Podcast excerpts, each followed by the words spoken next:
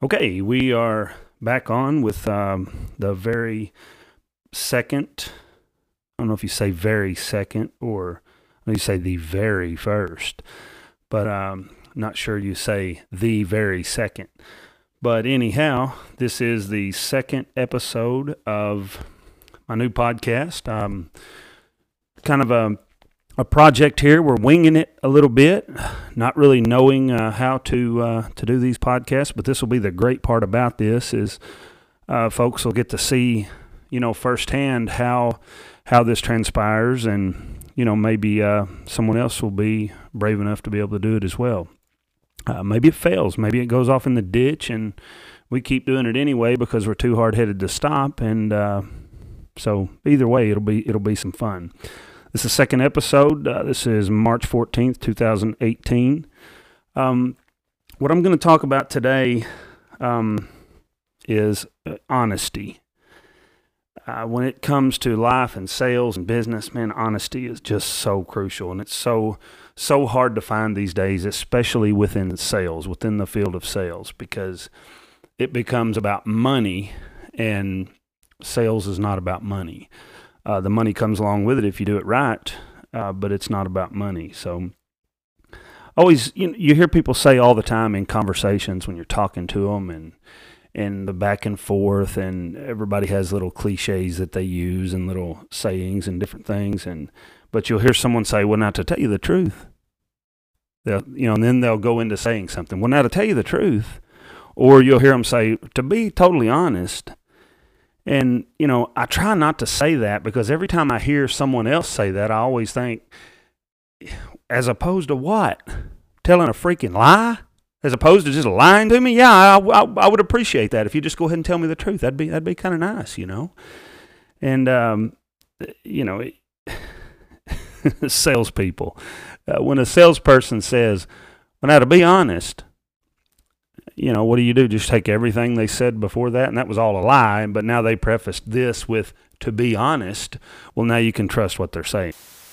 Really, an even better way to do it would be just uh, just go ahead and tell the truth, and then prove the truth. Come through for them. Now that'd be that would be the thing to do, as opposed to trying to say, um, you know, well, to be honest, or you know, tell you the truth. How about you just it's kind of like the the old saying, how the truth will set you free um, it amazes me how worked up I, I, get sometimes when there's an issue or a problem that you know a customer of mine has and uh, they've got this issue or this problem and I haven't talked to them about it yet and I'm all worked up about it and and when you just get in touch with that customer on the phone in front of that customer and you can tell the truth and be completely honest and you can bring that problem to them I, 90% of the time, or maybe even more, it's not even an issue. It's not a problem as long as you're going to get it right, you know, and, and, and come through for them. But the fact that you're honest, completely honest, 100% self accountability, and you contact that customer no matter what it is, and you're able to tell them, hey, here's a problem with what you know I have done or my company has done or my product you can preemptive strike and you can give them the problem 90% of the time there's no issue. They're like yeah you know uh, no worries. Uh, just let me know when you get it fixed. But when you don't bring that problem to them because you know maybe you don't know about it or because you you know are you know prolonging it putting it off just procrastinating not getting that pro- you know just just avoiding it and they find out about that problem before you are able to bring it to them and that's when they feel like they're being you know they're being hoodooed. You're trying to hide it from them you're trying to get away with something. And even that that may not be the case but that's where that tension arises in that customer. So every time there's an issue if you just tell the truth and just be honest just be honest with your customer. You bring it to them hey here's a problem. I'm telling you about it. 90% of the time you got plenty of opportunity to fix it. There's no hard feelings. You keep that customer forever. So just one of those things. Just totally being freaking honest, no matter what. Just be completely honest and tell the truth. Do the work. Pay attention. Get it right. getting it right, a huge part of getting it right is being willing to be honest. And like I've repeated on this episode time and time again already up to this point, tell the truth. Huge part of getting it right. The hardest part about all of this is being honest with yourself and holding yourself that 100% accountability. This is something I'm working on daily. So I think to myself, well, you know, I need to do this or I need to do that or what's coming up next or you know what what's my my work like today? What's my work schedule today, tomorrow? You know, what's my work going to be Monday morning? I think what advice would I give someone else? And if you always just refer to that, what advice I'm going to give someone else, it's probably going to be pretty good advice for you. So you got to do the work. Do the work, but you got to be honest in in your dealings with your fellow man, with yourself. You've got to be honest with yourself. So now I'm going to shift gears today to go into one of my favorite topics, one of my favorite things to talk about, and that is music. I'm going to talk about a young man named Tyler Childers. Maybe we've got the sound issue fixed now. Tyler Childers is absolutely one of a kind. When you hear his music, you'll never say, "Oh, he he sounds just like old so and so." You never will. This guy grew up in eastern Kentucky. He's only 26 years old. Um, he if you haven't listened to his music, I've not been to see him live yet, but I plan to see him live somewhere, some way this summer. But as he gets bigger and bigger, it's getting tougher and tougher to see him. But just the the soul and the story in his music that he writes his music and and he plays his music. I mean, he does some covers as well, but I mean, he's a songwriter to me first and foremost, and then a singer and a performer second, which is an unbelievable singer.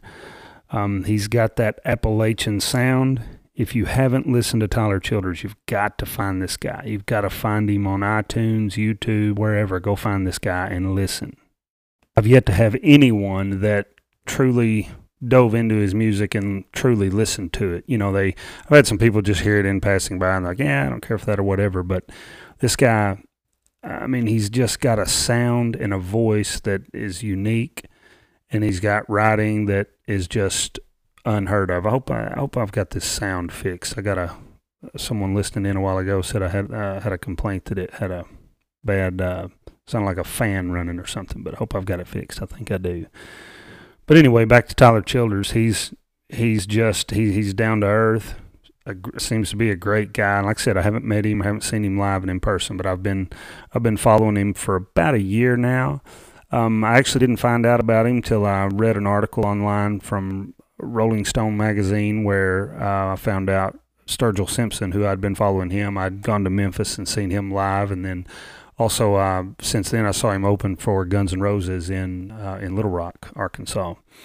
And um, but he Sturgill produced Tyler's uh, last album, Purgatory and um, did a great job. It's just got every song on it is written by Tyler, and and uh, but the thing that I haven't heard yet that I really wi- I keep waiting on it to come out is for Sturgill to open up, talk about this guy. You know, I saw Sturgill on um, Joe Rogan show just the other day. I mean, I mean, I listened intently. I, I haven't listened to every minute of the show, but I'm pretty sure that he uh, he never mentioned Tyler. I was like, man, I can't believe he's not bringing this guy up, and it's just unbelievable that I know so much about Tyler and and um, Joe Rogan don't even have a clue who he is. Um, you know, it's just amazing how we get caught up in our own head and in our own world, knowing what we know, and we just think everybody else knows that too. And I'm sure it's the same for them. I'm sure they think we know everything they know as well, but Anyway, Tyler Childers, I'm going to close it out here. Go find you some Tyler Childers. T Y L E R Childers with an S on the end. Tyler Childers. If you've tuned in thus far, I appreciate everyone that's listened. This is my second episode of my new podcast, Today's Plea with Joey B. And if you've listened through here, you know I've made a plea for honesty and a, a plea for you guys to take a chance on Tyler Childers. Go listen to this guy um, not much of a gamble there. It's going to pay off well for you. So uh, we'll have our next episode coming out in a day or so, and uh, we appreciate you listening, guys. Have a great day, and uh, I make the last plea: be honest. Be honest with yourself, and you can be honest about this podcast as well, because I want to apologize for the sound problems that I had throughout it. But hey, keeping it real. We're just keeping it real. It's to it'll get better. We'll figure this thing out. We're just uh, instead of waiting till we figure it all out and not doing it and procrastinating, we're just to dive right in. We're to make it happen with with the with uh, the equipment that we have right now, which ain't much. So give us some feedback. Thanks, guys. Bye.